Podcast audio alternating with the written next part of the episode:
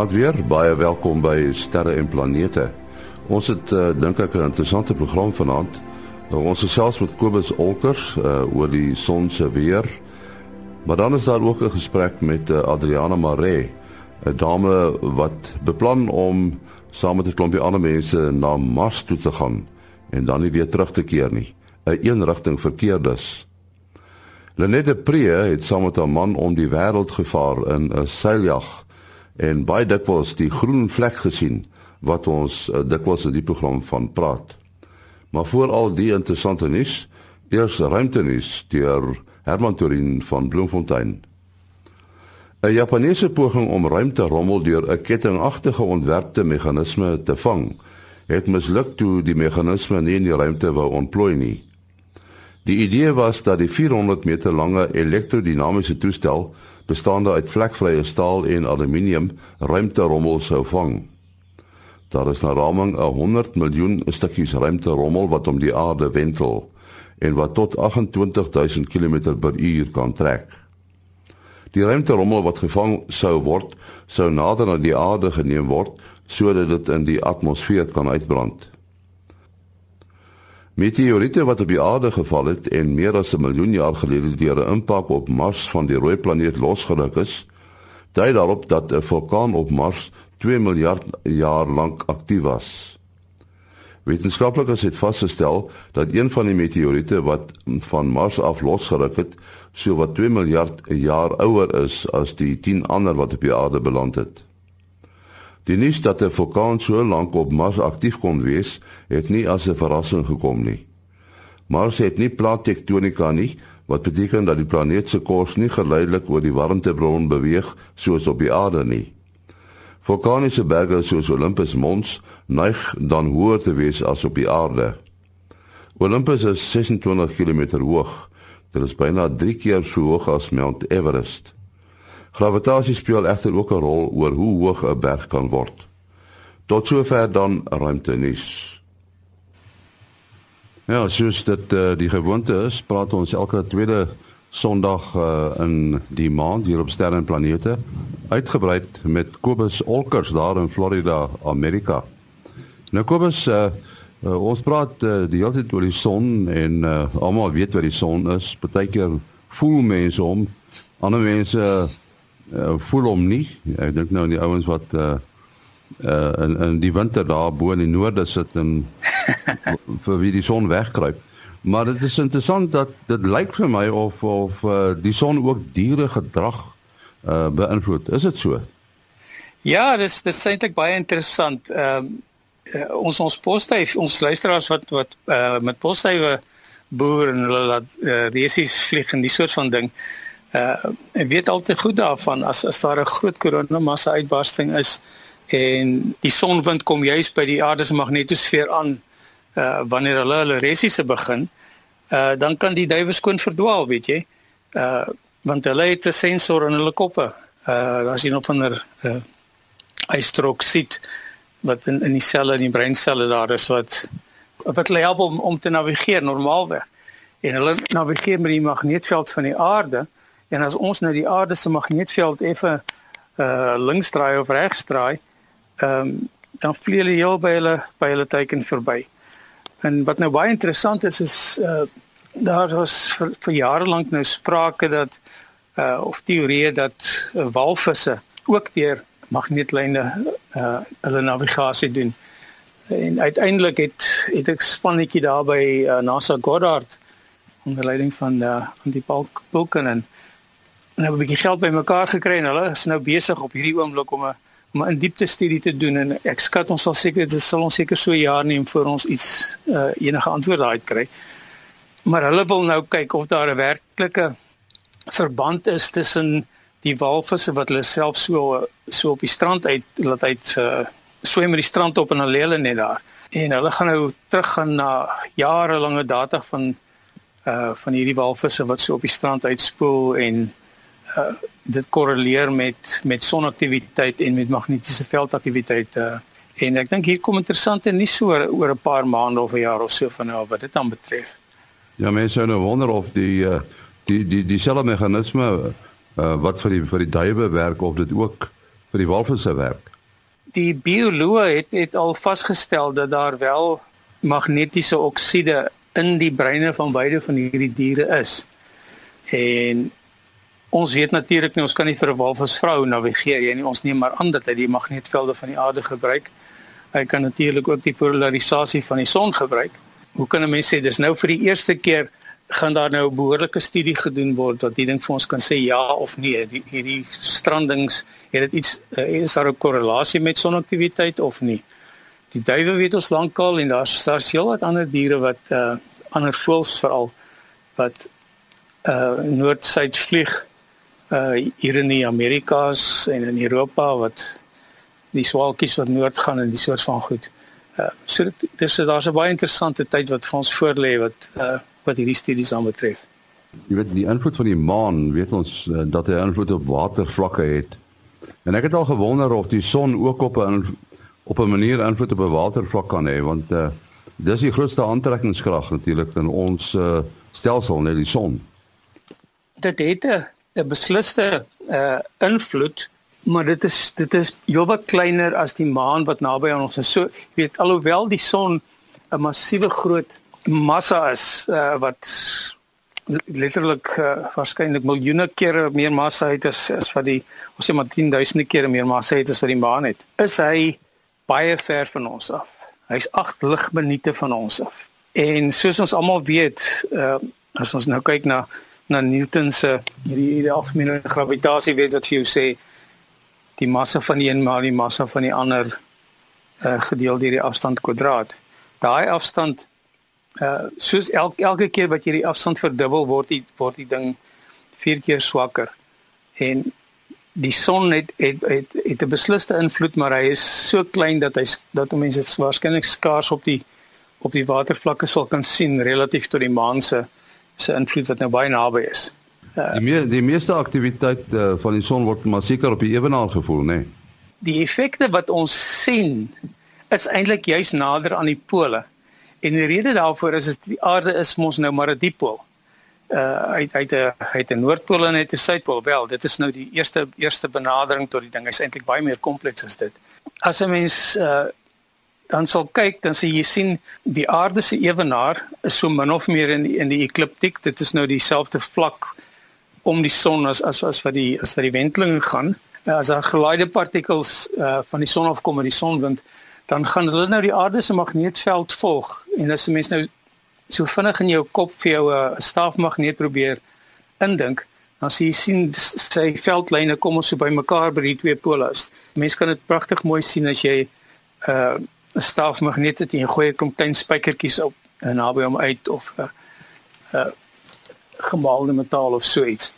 Dan sien jy sien daar's die die veldlyne kom bymekaar by die pole en by die by die ewenaar is hulle eintlik min of meer uh hele hele entjie van mekaar af. So daar waar die magnetiese pole nou bymekaar kom in die by die by die pole kry ons dan 'n konsentrasie van van die sonwind se partikels en dit is waar ons byvoorbeeld die auroras vandaan sien. En as 'n mens gaan kyk na allerlei ander ehm um, ionosferiese effekte, is dit juis meer intens by die pole as wat dit by die ewenaar is. Dit was dan uh, Kobus Olkers wat 'n uh, bietjie gesels het oor die son se aktiwiteit. En nou praat ons met Lenette Pre wat saam met haar man 'n uh, interessante tog uh, onderneem het en soos ek uh, daar in die begin gesê het, 'n hele klompie kere die groen flits gesien het.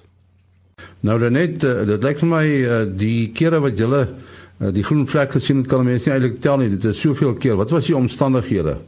As ons na die groenflits gekyk het, dan moes die lug baie skoon gewees het. Geen wolkies nie. En uh, dan op die horison dan as die son sak in 'n rooi bol net sy onder is dan dan kom die groenflits. Het julle dit van die land af gesien of was julle iewers op die see? Kyk, ons het die eerste maal in die 80er jare met 'n boot na Sint Helena geseil en toe het ons reeds ehm um, die verskynsel gesien daarso. Mense het ons daarvan vertel. Uh dis toe my man nog met 'n sekstant en drie sterre ons posisie moes bepaal. Maar in die in 1989 is ons met 'n boot om die wêreld.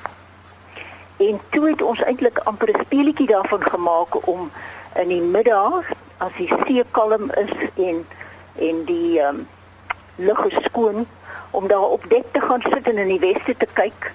Ehm um, tot die son ondergaan en ons die groenvloed sien. Maar dit was nie net op die see nie. Ek onthou byvoorbeeld uh toe ons op die eiland Fernando de Noronha was, so 200 ehm um, seemyl van Brasilië. Toe het ehm um, iemand ons genooi vir 'n vir 'n visbraai op die land, 'n ou van Engeland wat daar rondawel gehad het. En ons het almal op die in die rondawel gesit of op die stoep en 'n uh, pragtige uitsig oor die see gehad en ons en die gaste het gewag vir daai groen flits wat toe pragtig weer verskyn het. En dit is dit is 'n vlek wat 'n groen kleur het, nê? Nee? Ja, kyk uh, die die son is soos 'n rooi bal. Dis natuurlik 'n wonderlike sonsondergang wat ons op see gehad het.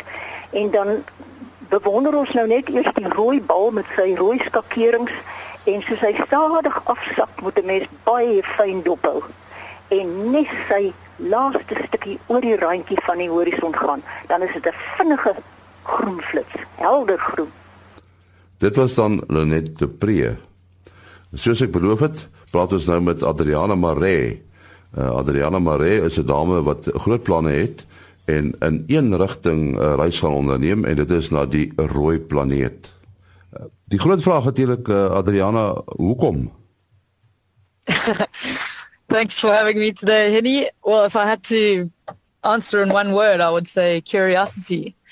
Curiosity is the reason that I would like to join those humans going further than any human has gone before. Ek dink ook 'n ander vraag wat mense sou vra is hoekom gaan 'n mens nie eers maan toe nie? in plaas van Mars. Yeah, that's a good point. So the last time humans have set foot on the moon was in fact in 1972. So the reasons as to why we haven't been back are are complex. Um, um, but I do believe that this is a new era now of, of space exploration. Uh, also fueled largely by the private sector right, rather than the sort of government sector at this point. So with private corporations like SpaceX, Boeing, Lockheed Martin and Mars One themselves proposing to send the first uh, crewed missions to Mars in, in, place of the government agency, agencies that we may have seen uh, doing similar exploits in the in the late 60s and 70s. Ja, jy jy het 'n belangstelling aan sterrekunde, nee. Is dit nie astrofisika wat jy in belangstel nie? Uh, in fact, I'm a quantum physicist, but uh, towards um, during my postdoctoral research, I turned my attention towards the precursors of life in space. So, looking at the molecules um, that are necessary for life on Earth, including amino acids, which are essential components of proteins. Looking at uh, detection of nucleobases, um, which form DNA, of course. So these these molecules have been detected tentatively in sort of comets and in other regions of space. So my quantum physics eventually expanded out um, into the astrophysics. Moes jy 'n uh, redelik strawwe keuring deurgaan? Uh, was daar toetse wat jy moes skryf om nou 'n deel van hierdie groep te word wat na Mars toe gaan? So, so far it's all been online. There's been an exciting development for Mars One in the last few months um, where they're now listed on the Frankfurt Stock Exchange. And uh, we've also had the first investment by a Hong Kong company to the order of around 10 million US dollars. So now we're ready to proceed with the next round. Up, up until now, as I said, it's all been online. It's been almost five years since I first heard about the project. Um, we've gone through several uh, exams online where we've studied material and then had sort of Skype exams um, on the, on the internet. We've had um, questions that we've had to answer in detail in text. We've had to upload video clips of ourselves advertising our candidacy, as well as um, having gone to a through a medical exam with our own local doctor. Hoeveel uh, mense gaan na Mars toe uiteindelik? Hoe groot is die groep?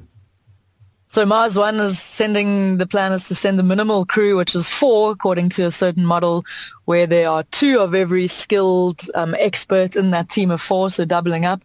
Um, and the plan is to send groups of four every 26 months. So every 26 months, the launch window opportunity opens uh, to get to Mars in the most fuel efficient way. So the plan is to send four people every 26 months. Dis natuurlik omdat Mars dan in 'n gunstige posisie is, né? Nee?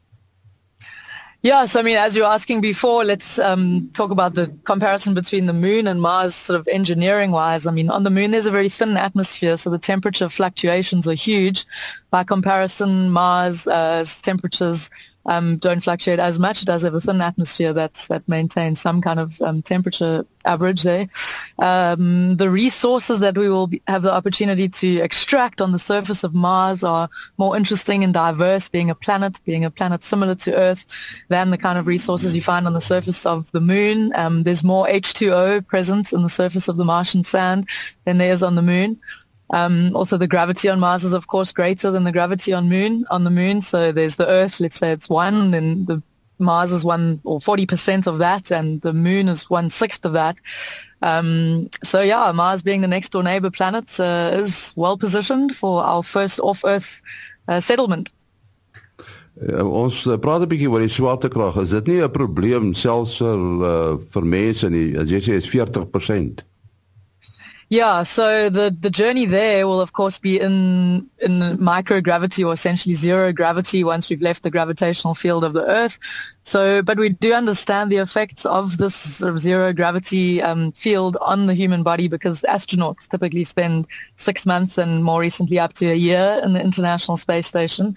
So during during the journey there, this will be comparable to to astronauts spending time in Uh, is uh? Uh, during this sort of 7 months currently it takes around 7 months to get to Mars with existing pulp propulsion technology. During the 7 month trip we understand the effects of a, a zero magnetic uh, zero gravitational field on the human body because this is a similar amount of time that astronauts spend in the space station, sort of six months and as much as a year more recently. Uh, you can compensate for the loss in bone density and muscle mass by exercising, special diets, as well as sort of supplements that you can take to alleviate these effects. Uh, but after this journey, arriving on Mars will actually be easier on the human body than arriving back to Earth, given the, the 40, sort of 38% gravitational field on Mars compared to Earth. Um, with respect to construction, uh, lifting, building, uh, all these kinds of activities, um, the reduced gravitational field will, will be in, in the favor of the settlers, I would say. Um, in terms of digging and excavating to create the, the flat surface where the settlement will be established.